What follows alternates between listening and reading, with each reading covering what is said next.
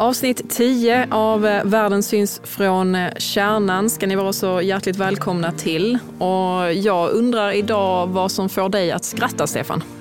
Oj, det, det är mycket. Alltså, jag, jag älskar ju bra eh, humor. Bröderna Marx, gamla hjältar, Monty Python-gänget. Eh, av nyare modell.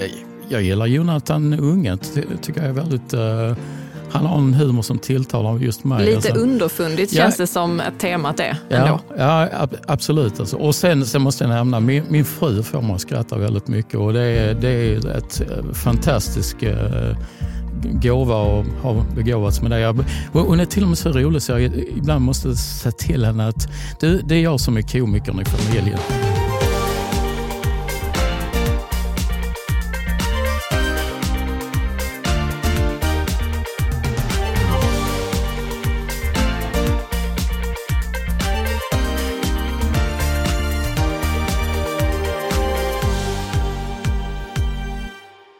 Men det låter som ett otroligt bra eh, inslag att leva med någon som, som får en att skratta hela tiden. Ja men det är det ju absolut, tveklöst. Och det är ju eh, humor blandat med lite allvar som eh, kommer samexistera i dagens eh, poddavsnitt. När vi har bjudit in eh, Helsingborgsbaserade komikern Martin Svensson som just nu är aktuell med en ny humorsatsning på Röda Kvarn som satte igång redan lite i vintras men som pågår nu under, ja, under ja, våren. Precis. Och har spelats för fullsatta salonger och ska fortsätta i höst. Ja. Men eh, innan eh, Martin får göra sig till känna så tänkte jag att vi skulle lyssna på ett eh, klipp från eh, en av showerna.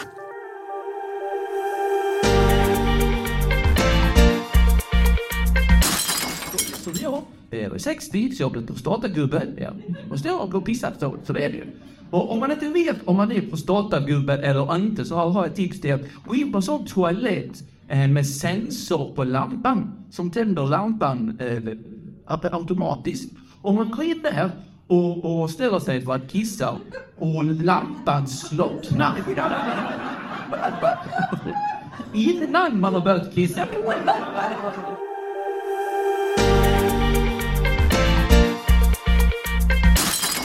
Ja, välkommen hit Martin Svensson. Eh, prostatabesvär kan man tydligen också göra humor av. Ja, det var ju roligt att höra. Jag, jag till och med log lite åt mig själv där. Det var ju en, en spännande Alltid upplevelse. Alltid en fördel att få sig själv att skratta. ja, det kanske är att publiken skrattar, för det smittar ju så väldigt mycket. Med, med skratt smittar ju, så när jag hör publiken skratta tänker jag, ja det där var ju nog roligt. Men du, det här är material som du är ute och provar lite nu inför en ny show om jag har förstått saken rätt?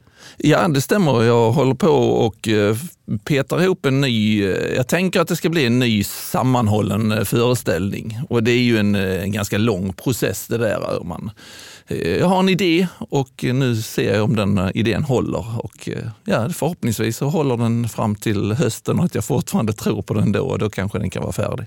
Kan, kan, du berätta lite grann, vad, vad, är det här för idé? Vad, vad, är, det, vad, vad har du liksom, vad är arbetsnamnet för show? Ja, idén är ju så här, jag gör föreställningar, när jag gör sammanhållna föreställningar så har de ett tema och det är ju var jag befinner mig i livet. Och nu är jag ju då eh, 60-plussare och jag har upptäckt att när jag träffar mina kompisar där så förr pratar man kanske för länge om ja, hur är det på jobbet och hur är det med det och hur, är, hur går det med golfen och hur går det med det? Där. men nu träffas man så här, eh, hur mår du? Och då säger alla, jag har ont här och jag har ont där. Alltså det är ju verkligen så att man har hamnat i den situationen. Så därför är arbetsnamnet är väsentligen frisk. För det, jag tänker det är det man får vara. Man får vara nöjd med det. Bara man är väsentligen frisk. Och så var det också så att det stod så i min journal när jag var inne och läste på 1177 en gång. Så stod det. En 60 år gammal man Väsentligen frisk. Är det någonting som läkare använder ofta, det uttrycket? Jag vet inte, jag tyckte bara det kändes väldigt sorgligt. Okej, okay. Ja, men jag är i alla fall ja. väsentligen frisk. Det känns väldigt 1920-tal. Eh, ja, precis. Väsentligen ja, frisk. Här kommer den gode herren. exakt. Hej, Synoptik här. Hos oss får du hjälp med att ta hand om din ögonhälsa. Med vår synundersökning kan vi upptäcka både synförändringar och tecken på vanliga ögonsjukdomar. Boka tid på synoptik.se. Men du, nu när vi ändå pratar om det här med vården och sådär så tycker jag att vi ska vrida klockan tillbaks ganska många år. För du, du har ju själv en bakgrund och har arbetat i vården. Eh, Berätta lite grann, eh, du är utbildad sjuksköterska. Ja, det är jag ju. Jag jobbade som sjuksköterska i ganska många år, då, eh, fram till eh, 20 2001. Eh, och Ja, det var ju min tanke med det en gång i tiden var väl att jag hade velat bli, jag höll, höll på mycket med teater. Jag var en så kallad kulturkille här i Helsingborg. Jag var med och startade kulturföreningen Röda Kvarn. Jag höll på mycket med, med amatörteater och semiprofessionell eh, teater. Sådär. Eh, men sen kom ju livet emellan och eh, ja, men jag träffade en, eh, en kvinna och vi fick barn och så skulle man ta tag i livet och då tyckte jag att jag kunde inte hålla på och leka bara sådär. Så då fick jag skaffa mig ett jobb och då ville jag bli barnmorska. Mm. Jag skulle bli barnmorska. Och så började jag jobba i sjukvården och så fastnade jag i cancervården och så jobbade jag i det i ganska många år.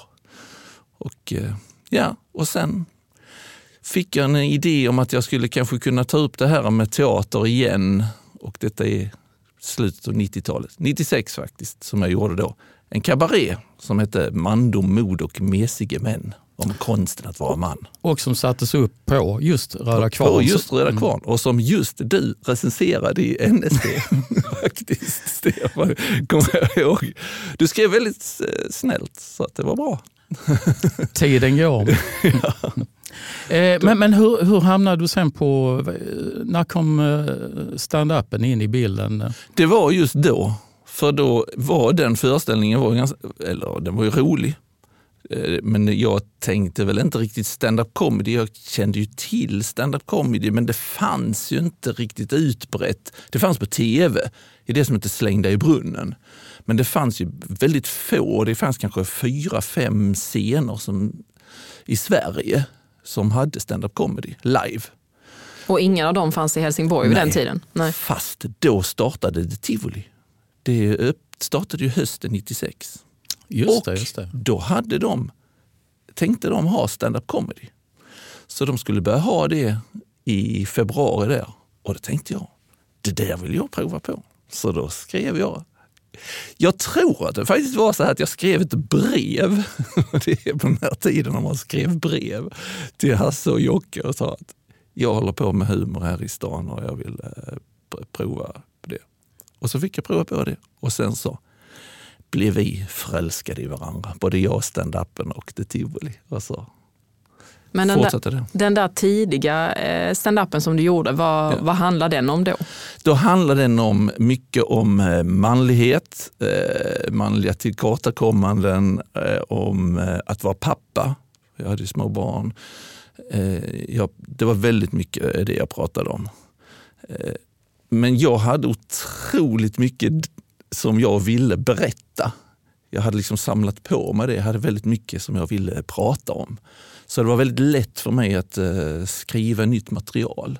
När jag väl hade förstått vad, vad stand-up comedy var och skillnaden på det och teater så eh, hittade jag den ganska snabbt, den formeln för hur gör man stand-up comedy.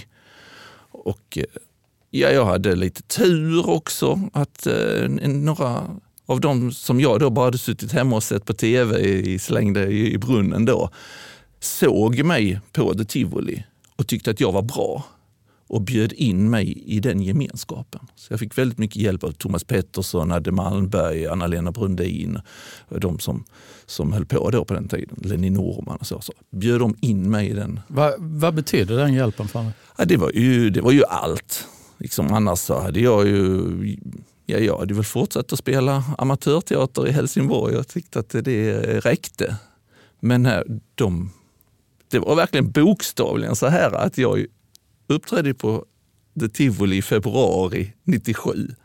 Och sen i maj 97, bara några månader senare, så frågar Thomas Pettersson mig om jag vill åka med honom upp till Stockholm och få fem minuter av hans tid på Norra Brunn. Som ju liksom är som att få en chans. Vill du gå upp och spela lite teater på Dramaten? Så det var ju rätt in i, Ja, alltså i den- värmen. Så det var ju helt sjukt. Den svenska stand-upens eh, heliga graal kanske? Eller? så var det ju verkligen. Det var ju alla de som jag hade bara hade sett på tv. Då. För det, det fanns ju liksom inte ute i samhället fanns ju inte stand-up comedy. Det var fortfarande ganska nytt. Det hade ju börjat 88, så att det var ju, så konstformen var ju, var ju ny.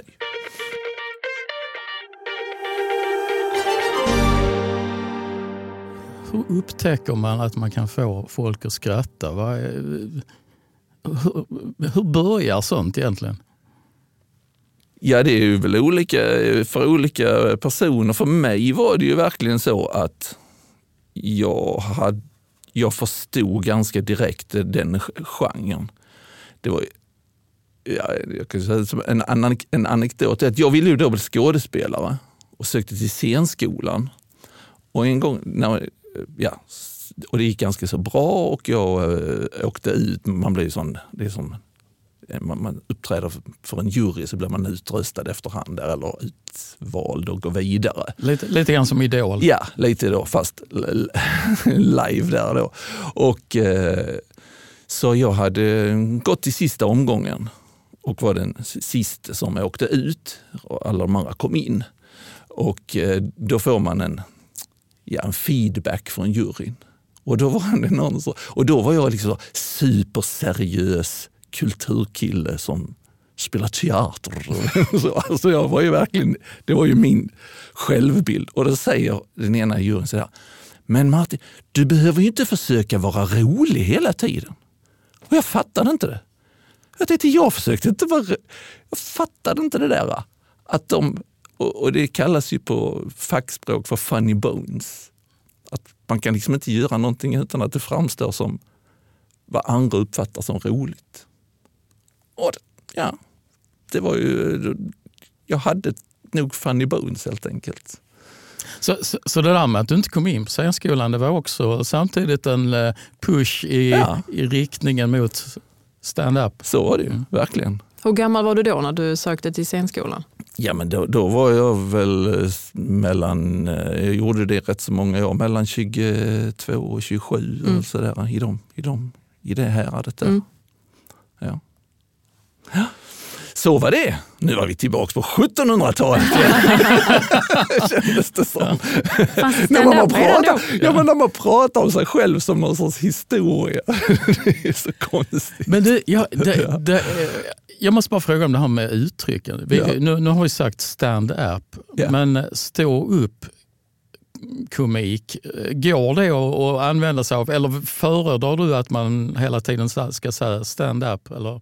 Eh, nej, om jag ska föredra någonting så gillar jag ju att man säger stand-up comedy och stå-upp-komik. För att för mig är det ju väldigt viktigt att det finns ett, eh, ett skrattinslag. Eh, det är ju inte alla som liksom hänger... Det finns ju genrer inom genren kan man ju säga. Där det, hur viktigt det är med själva skrattet, hur långt är jag beredd att gå för att få skrattet? Eller är det viktigare att jag säger någonting? som kanske är upprörande eller politiskt eller sådär. Så kvittar de om folk skrattar åt det. Jag tycker ju då att det heter stand-up comedy. Så att det- jag vill ju ha att det blir ett skratt på slutet. Ehm, men stå upp eller stand-up, ja, det där finns ju tusen stavningar och skrivningar på det där. Men Hur, hur, eh, hur skulle du beskriva din egen eh, stand-up comedy? Vad, vad är liksom, var eh, gräver du någonstans? Jag är ju väl, ja, dels är jag en utpräglad livekomiker. Genren stand-up comedy kontra teater till exempel, det är ju just att det inte finns en fjärde vägg. Man är ju, helt, man är öppen mot publiken. Och det gillar ju jag. Så jag är väldigt öppen mot publiken. Hela mitt, min föreställning ligger, som jag brukar säga, ute i publiken. Jag har hela tiden en dialog med publiken, även om den kanske inte är att vi pratar med varandra. Men det är en dialog i blickar och energi och deras leende gör att jag går ditåt och den, där ser jag att så är, nu händer det där borta i rummet. Då styr det min min... Eh, så att dels är jag en livekomiker, så jag, jag, vill, jag vill ha en publik. Och sen tycker jag om om jag säger någonting som är, betyder någonting eller det finns någon, att det berör. Så att jag är ju ingen, som till exempel, man kan ju vara en one-liner komiker som bara kör skämt och där skämtet är skämtet. Det har ingen betydelse vad det säger. Det kan vara hur mycket ljug som helst i det. Det kan det inte riktigt i min comedy. Det, jag behöver att det betyder någonting för de som lyssnar. Men sen måste de ju skratta. Annars är det ju inte... Annars är det inte stand-up annars är det, comedy. inte stand annars är det bara en gubbe som står upp och det är ju inte så märkvärdigt. Det kan de flesta. Så det verkar ju som att du har inspirerats mycket av liksom ditt liv och vad som pågår i ditt liv. Så, pratar, så utgår jag från det. Saker jag ser, saker, saker jag upplever. Men jag kan ju också prata eh, om någonting som jag är engagerad i eller något som... Jag har ju väl en del, vad man, andra skulle beskriva som kanske politiskt material. Eller, men jag har ju inte en partipolitisk agenda, men jag drivs väl av en, någon sorts humanism som är min persona. Jag är en ganska snäll person, så då blir också min comedy eh, kanske att jag försöker få andra till att tänka snälla tankar. Du, du verkar ju inte heller ha varit rädd för att ta dig an svåra eh, ämnen. Eh, vad var det i slutet på våren 2022 som du fick eh, besked om att du hade prostatacancer? Ja, Ett ämne det. som du sen tog dig an även i din stand-up. Ja, efter Hur- många om och men. Ja, vill, vill du berätta lite om det? Liksom, det är inte det enklaste beslutet kanske, Nej, att välja att det inkorporera ju. det, i sin stand-up-komik. Nej, det har du helt rätt i, för att så var det ju verkligen att det var väl några som sa till mig sådär, ja men då kan du ju prata om det. Så, så, då var ju min spontana reaktion, nej det går inte. Dels var det ju så otroligt nära mig och så känsligt, men dels också att det är ett så svårt ämne. Om man tar upp ett svårt ämne mot en publik så stänger man av som lyssnare. Man kan liksom inte ta in det. Jag vill ju ha med folk på min resa. Att folk tänker ungefär samma tankar som jag gör så att jag kan lura dem i deras hjärnor. Då. Att alla tror att vi går åt detta hållet men nej, vi gick åt detta hållet. Och, och så. så om jag säger ordet cancer inför en publik, då har, men då får alla upp olika bilder. Så därför måste jag hitta ett sätt att styra det så att folk går med på min cancer och på min resa. Och det, det trodde jag, inte jag, var, jag trodde inte att det var möjligt helt enkelt.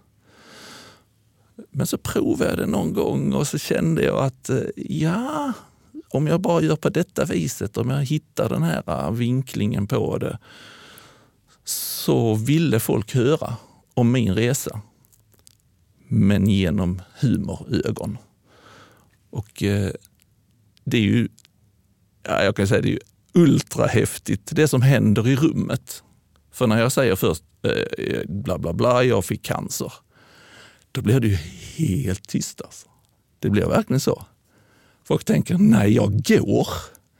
Det här vill jag, inte- jag vill inte vara kvar här. Det här kommer att bli så hemskt.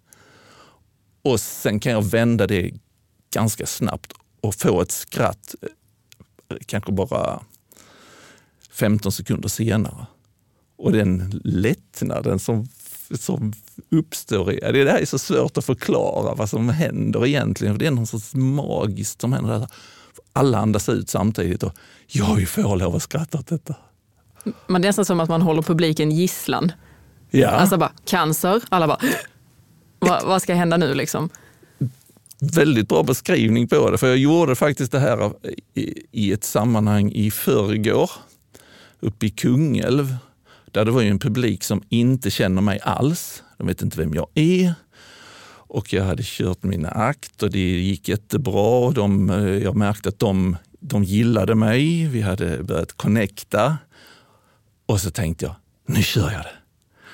Och så blev jag döstressad på scenen. Och Jag kände verkligen hela adrenalinet pumpa i huvudet. Jag blev alldeles knalltorr i munnen. Eh, så, så jag måste bara dricka lite vatten för nu ska vi ge oss ut på en resa tillsammans. Så där. Och så, så, så körde jag det. Och så funkade det. Och det, ja, det var ju... Ja, det blev väldigt, väldigt... Eh, det blev, en, en, det blev ett fint möte och folk är väldigt tacksamma. Och många kommer fram efteråt och säger men du, Ah. de, de där sekunderna när det är helt, blir helt tyst Ja. i en salong. Eh, hur, hur upplever du de som står där ensam på scenen då? Jag upplever dem som ungefär en timmes tystnad. Så är det faktiskt det är som man har hoppat ut. Nu hoppar jag. Okej, ska jag hoppa? Jag hoppar.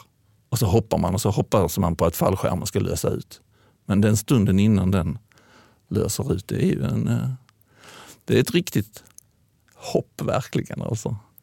Men du, Ja. den, alltså, när, Jag känner nu när jag ska berätta om det att jag blir alldeles stressad också. Det är, det är svårt att prata om.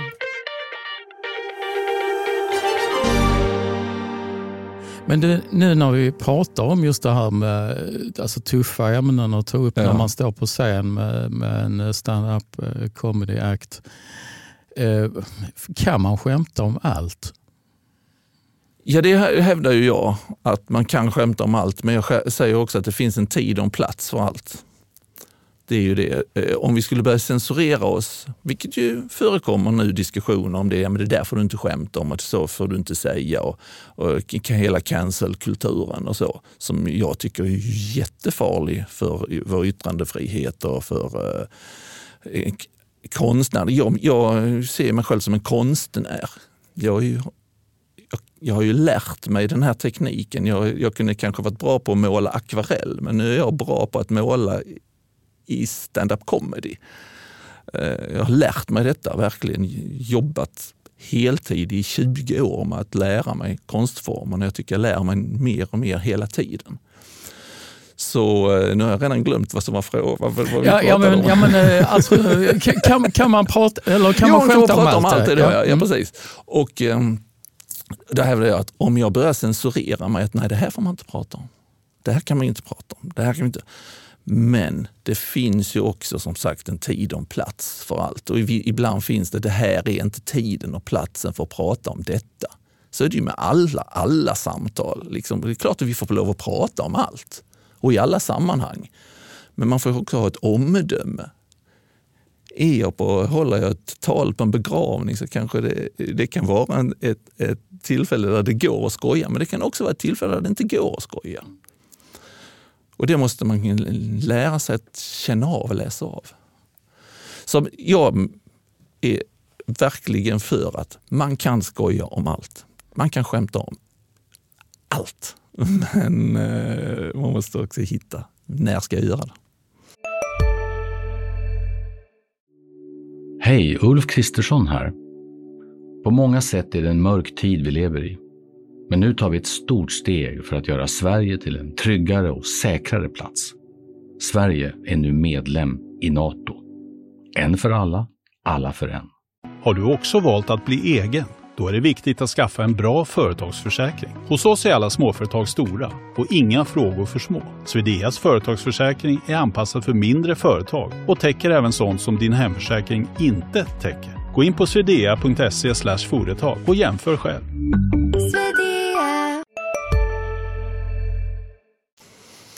Jag blev lite nyfiken också på eh, att eh, just att skämta om, om din cancer, har det hjälpt dig på något sätt under den tiden?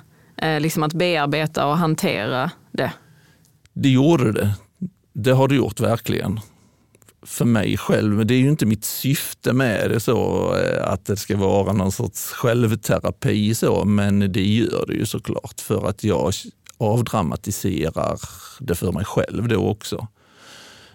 Jag ska ju säga att jag har haft en, en åtminstone så här långt, nu är det, det är bara ett halvår sedan jag blev opererad. Och eh, så här långt så har jag ju haft tur. Det har gått bra och jag liksom har en, en framtidstro. Just nu är jag ju botad. Det blev en, min operation var ju botande. Så man fick ju bort det. Eh, det, det. Jag kunde ju varit i en helt annan situation nu. med liksom, där allting var svart, då hade jag nog inte då hade jag nog inte kunnat säga det på scenen för jag måste ha tro på det själv. Och jag vill ju liksom att folk ska tycka att det, jag vill ju så ett frö av hopp till alla de som nu stänger ner öronen när jag säger att jag har cancer. Och så vill jag att de ska känna att fast man kan gå vidare. Mm. Apropå tuffa eh, grejer att gå igenom, så innan du fick uh, ditt uh, Eh, cancerbesked så gick vi ju in i en eh, pandemi och då stängdes väl, eh, förmodar jag, alla dina möjligheter till att uppträda på scen av helt enkelt. Hur, vad gjorde du då? Ja, det var ju jag på att säga, det var nästan värre än att få reda på att man hade cancer, men det kanske det inte var. Men jo, alltså det var ju jättekonstigt. För det var, ingen var ju beredd på detta. Ingen var beredd på pandemin såklart. Så jag var lika stressad, eller alla, hela min bransch, vi var ju lika oroliga som alla andra människor över pandemin i sig. Men sen blev det ju någon jättemärklig reaktion det här på att vi inte skulle umgås. Eller det var ingen märklig reaktion, men det var ingenting vi var beredda på. Och det innebar ju att man kunde inte göra, man kunde inte uppträda. Och det gick att reglera med det regelverk som fanns i samhället. Så det gick ju att stänga ner underhållningsbranschen. Medan man inte till exempel kunde stänga ner eh, shopping. Mm. Eh, för det fanns inget regelverk för det och massa annat. Så vissa andra saker fick ju fortsätta. Men vi fick ju inte lov. Så att jag förlorade ju alla uppdrag. Men vad, vad, och då, vad, vad ja, gjorde du? Ja, satt hemma och var ledsen först. Och sen ganska så snart så insåg jag att jag hade ju den här gamla sjuksköterskeutbildningen. Jag hade ju inte gjort det på 20 år.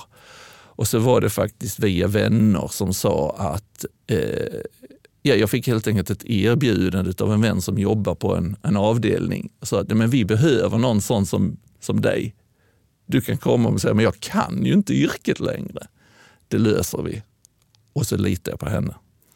Och så sa jag, okej, okay, jag börjar jobba som sjuksköterska igen. Och så var det jättesvårt. Såklart, det var ju 20 år var det ju ett helt nytt yrke. Ja. Så det var ju på, tufft att vara 60 och vara sämst på jobbet. Alla tänkte att ja, men han ser ut att ha livserfarenhet, han kan nog det här. Och jag, hade, jag visste inte, det var som att höra på, de pratade ett språk som jag inte förstod. Det var jätt, men men, men hur, hur fixade det sig? Det fixade sig väl på att jag hade fantastiskt fina kollegor. De var ju väldigt, väldigt stöttande. De hade, vi kunde hitta ett sätt där jag kunde ha en roll där jag inte tog de vissa ansvarsområden som jag inte klarade av, utan jag kunde bli lite mera hantlangare. Och sen efter ett tag, då, eller det var ju nästan efter ett helt år, så kom ju vax, vaccinet.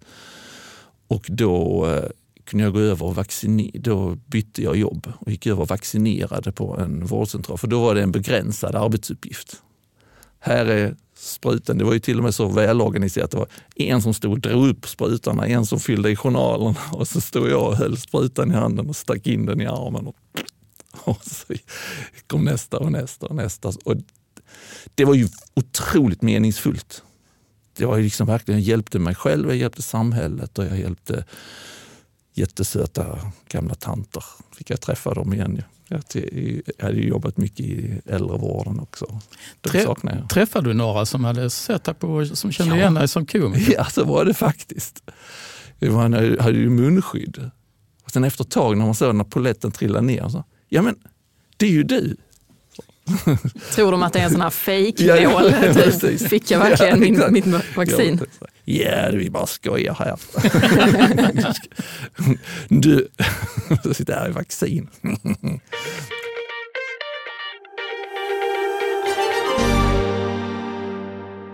Men, men du, får vi växla över till någonting eh, annat, ja. eh, lite roligare kanske. Det, och, som vi nämnde inledningsvis också, ja. eh, så startar du ju upp och en eh, stand-up comedy klubb på just Röda Kvarn där allting började en gång i tiden. Ja. Eh, och den har rullat nu under hela våren. Eh, Berätta hur det har gått. Det blev ju väldigt lyckat. Det måste jag ju säga. Det, ja, just, för det måste jag säga. Det har gått För så himla jag, bra. För annars är jag dum i huvudet. Nej, men, det var... eh, det har blivit väldigt, väldigt fint på Röda Kvarn tycker jag. Alltså att eh, vi hade ett snack om man skulle kanske kunna, de har ju byggt en fin scen där, att man kanske skulle kunna ha stand-up comedy där. Och eh, vi hittat ett jättebra samarbete på att eh, det svåra med att arrangera stand-up idag är att det finns ett begränsat antal komiker som säljer biljetter. Om jag går ut med deras namn och säger att den här, den här komikern kommer så är det ganska få som, som folk är beredda att betala för att gå och se. Och de komikerna är ändå ute på egna turnéer. Så därför så går vi inte ut och talar om vilka komiker det är. Utan det är bara, kom och titta på stand-up comedy. Det är stand-up comedy. Och så får ni ta de komikerna som kommer. För det finns otroligt många duktiga komiker som inte är kända. Men jag kan ju också nu samtidigt fråga de kända komikerna om de vill komma. För då kan de ju komma, men jag talar, har inte utannonserat dem. Så de har eh, rättigheten att boka av ända fram till samma dag. Om de skulle få ett, ett tv-uppdrag eller ett väldigt välbetalt annat uppdrag eller sådär. Har, har, har det varit någon sån här riktig kändis på, nu under våren? Om jag har haft någon, eh, Ja. Eh, ja det har jag haft och eh, det kommer. Jo, men, men vem, Ja. vem, är det som har varit där som eh, är lite mer känd för den breda Nej, publiken? som jag har haft här på Röda Kvarn har jag inte haft det, det, det som är det största namnet än kommer. Det kommer. Men, ja, men Anna-Lena Brundin var där på, på premiären som tillhör den generationen komiker. Jag har någon, någon av dem som är de heta nu som kommer senare. Men jag har gjort samma koncept ute i Klippan på Norra hus och gör det fortfarande också. Och där, där har jag kört sedan 2018 och jag har haft 70 olika komiker där. Och där har ju varit eh, Carl Stanley, Ankan Johansson, Thomas Pettersson, Babben Larsson. Men utan att folk har vetat om att det är de de ska få se. Vad har, Men- vad har besökare sagt om det, att det är lite ett lotteri? De tycker det är roligt. Jag gör faktiskt en parallell, jag har en parallell till det här. Det är som, eh, ja det har du säkert man åker till Helsingör och ska äta smörrebröd. Jag älskar ju det, gå på de här krogarna i Helsingör. Så tar man, och då tar jag alltid tre ospecificerade, som de säger. Man, man tar tre smörrebröd men man får inte välja vilka det är, utan det gör kocken. Och så får man in en tallrik med tre smörrebröd. Och är man inte nöjd med dem och säger nej men jag gillar inte det, så säger de ju bara nej, det är ditt problem. det, det, det var det du fick. Och jag tänker det är precis samma sak. Och jag älskar ju det. Jag älskar ju det konceptet där. Och publiken gillar det här, här också. Ja, för då kanske man får en ny favorit som man inte visste. Exakt. liksom. Och det finns så många som är så jätteduktiga som ingen vet vem de är. Senast så hade jag ju faktiskt tre komiker som ingen visste vem någon av dem var. Det är jag säker på. Det var nog ingen av dem som hade sett någon av dem tidigare.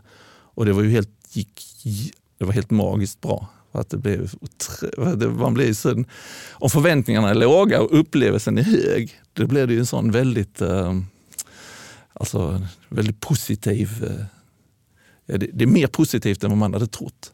Då blir det Och- häftigt. Och satsningen rullar vidare nu till Ja. hösten. Då. När sätter det igång igen? Då? Ja du, det är september.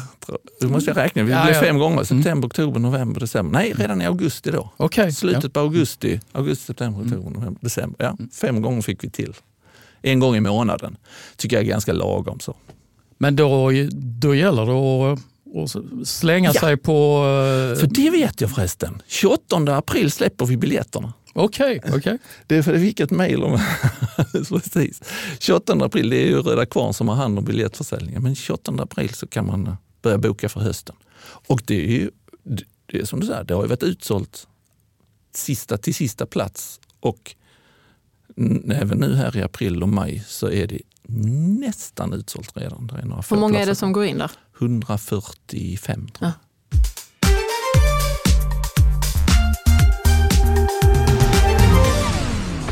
Vi har ju bett dig att ta fram en liten eh, lista med bra tips till de som nu vill, eventuellt vill ge sig in i stand-up comedy-branschen. Eh, eh, Skulle vi kunna dra igenom den lite snabbt med dina tips här? Hej, Susanne Axel här. När du gör som jag och listar dig på en av Krys vårdcentraler får du en fast läkarkontakt som kan din sjukdomshistoria. Du får träffa erfarna specialister, tillgång till lättakuten och så kan du chatta med vårdpersonalen. Så gör ditt viktigaste val idag, lista dig hos Kry. Välkommen till Maccafé på utvalda McDonalds restauranger med Baristakaffe till rimligt pris. Vad sägs om en latte eller cappuccino för bara 35 kronor? Alltid gjorda av våra utbildade baristor. Det är en genre, så mitt första tips är att ta reda på vad, vad det är. Det är som att börja på en sport men man vet inte vilken, vad, vad det är för sport. För att eh, stand-up comedy är ju en speciell genre. Och liksom så att man förstår vad, vad är det jag ska göra. Och då tycker då är mitt tips det är att gå och se live comedy. För många säger, ah, jag, ah, ja, men vet, jag har sett mycket stand-up comedy. Jaha, vad har du då sett? Ja, men jag sitter och ser på Youtube. Ja, men då har du inte sett stand-up comedy. Du har sett filmat, filmad stand-up comedy. För stand-up comedyn var när de spelade in det. Sen ser man liksom en bild av det bara. Men vill man uppleva, uppleva stand-up comedy så måste man gå och se det live. För det är någonting speciellt det där att det inte är en fjärde vägg, utan det händer här och nu och vad som helst kan hända. Det kan ju verkligen bli så. Jag har ett bra exempel ifrån Röda Kvarn. För att det var ju i och för sig väldigt sorgligt men det blev ju fantastiskt här och nu för att i paus, jag hade en komiker där som skulle vara huvudakten i andra akten då. Eh, I pausen så satte han, eh, käkade vi lite i paus, satte han i halsen. Inte i luftstrupen så att han kunde andas utom, men den satt i matstrupen. Han fick en bit kött som satt, så han kunde inte svälja. Så han sa, jag, kan- jag kan ju inte gå in och uppträda. Jag kan, fan, vi fick stå och spotta hela tiden. Så han kunde inte uppträda i andra akten. Vad gör vi nu då? Ja, då fick vi lösa det. Så då gick jag in och körde ett tag och sen så fick de andra som hade kört i första akten komma upp och så stod vi där tre och så fick publiken slänga ur sig lite idéer om vad vi skulle prata om och så hände det där och då och så blev det helt supertrevligt. Synd för han komikern som skulle vara i andra akten att han inte kunde vara med på det. Vilket för övrigt sen löste sig för den här köttbiten lossnade så Ja, det var, men det var ingen som behövde ta Heimlich-greppet? Nej, den? för det, det hade inte hjälpt. Men vi höll på mycket, banka i ryggen och dricka te och sådär. Men den lossnade inte, men den lossnade sen på, Sa ni det på till natten. publiken då? Tyvärr, han kan inte komma tillbaka, han har satt en köttbit i. Nej, vi, för då visst, just där och då visste vi inte att det var en köttbit. Det var bara att han mådde väldigt dåligt. Ah, i, okej. och vi visste ju inte riktigt vad det var som hade svullnat upp. Och om det var något allergiskt eller så. Så det blev lite Ja. dramatiskt, men det var nära då. Ja, nästa här- tips. Det, så se, se Ja. stand-up comedy live. Eh, det tycker jag är ett tips. Och sen är väl ett annat tips är om man vill börja så kan man gå en kurs.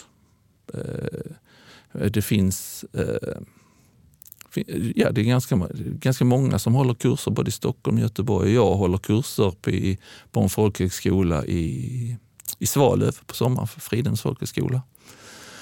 Så det är ju ett eh, jättebra bra sätt. Och, så sen, och sen är det ju att ställa sig framför en publik och testa det. Man måste våga testa det. Man måste våga hoppa. Det, det är ju det enda sättet. Så, ja, så får man hoppa och hoppa. Det är som bungee jump. Man hoppas på att det där gummibandet håller. Eh, och, att, och då är det ju en bra idé att ha, ha ett gummiband. Och gummibandet i det här fallet är ju då skämt. Så att man har tänkt, för illusionen är ju att här står jag och pratar inför en publik och bara hittar på det i stunden. Men så är det ju inte, utan jag har ju tänkt ut innan vad det, vad det är jag ska säga och eh, hur, hur jag ska säga det och med vilken teknik jag ska säga det och så. Så man får ju ha liksom övat innan. Höll gummibanden första gången du körde? Kommer du ihåg det? det gjorde det, men en, jag, de allra, allra första gångerna så hade jag ju inte riktigt förstått genren. Men det lärde jag mig utav dem som jag, jag såg då. Så först, allra, allra första gången jag gjorde stand-up comedy, då var det en komiker som heter Janne Bylund. Som, eh, ja, vet, du kommer Ja, kanske jo, ihåg Janne ja, Bylund från absolut. Norr, Den flög rätt över mitt huvud. Exakt dement. Jag tänkte du vet inte vem Janne Bylund är. Men han var eh, stor då och är, håller på fortfarande. Eh, Men kanske mer med föreläsningar och så. Men i alla fall så, eh, jag var uppe och jag körde mitt material och jag fick skratt. Och jag tyckte jag fick jättemycket skratt. Jag fick kanske ett skratt i, i minuten. och så kommer han upp och liksom bara katjong, katjong, katjong. Ett skratt på tionde, femtonde sekund och sådär. Och då fattade jag, Oh, ja, det, är så, alltså det är ju stand-up comedy. Man måste ta bort allt det där som inte fyller någon funktion. Alla onödiga ord, alla... Eh, eh, ja, det, är så mycket, det, det finns, det fanns ju mycket teknik, men det hade inte jag fattat då. Nu lär jag ju ut det till andra. Nu, hur, hur man gör för, för att skala bort det. Så nu vet jag inte hur många exempel jag har lämnat men det- på, det- på. Det var en stabil lista, tre raka tips. Tre, Ja. tre bra tips. Ja. Alltså, och då, då känner jag också som att eh, vi ska tacka dig för att du kom hit Ja, men idag. Tack så Martin. hemskt mycket för att jag fick komma hit till er fina studio. Det är så himla trevligt där. Vi får hoppas att det är någon där ute som lyssnar som tar till sig de här tre tipsen och vågar testa sina egna Ja. eh, gummiband eh, någon gång Ett tips framöver. är ju, var rolig. Ja, det ska vi avsluta. Det är, det är ju, jag Det är tänker- det absolut Om du vill börja med tipset. stand-up comedy, var, rolig. Mm. Var Det- rolig. Ja. Men då, eh, då ska jag avsluta med att säga att eh, producent för dagens avsnitt var Evelina Paulsson, tekniker Björn Lilja, ansvarig utgivare Marcus Ekdal och i studion så har ni hört eh, komiker Martin Svensson och Stefan Linkvist och jag Nina Davidsson. Vi tackar för idag. Hej då! Hej, hej.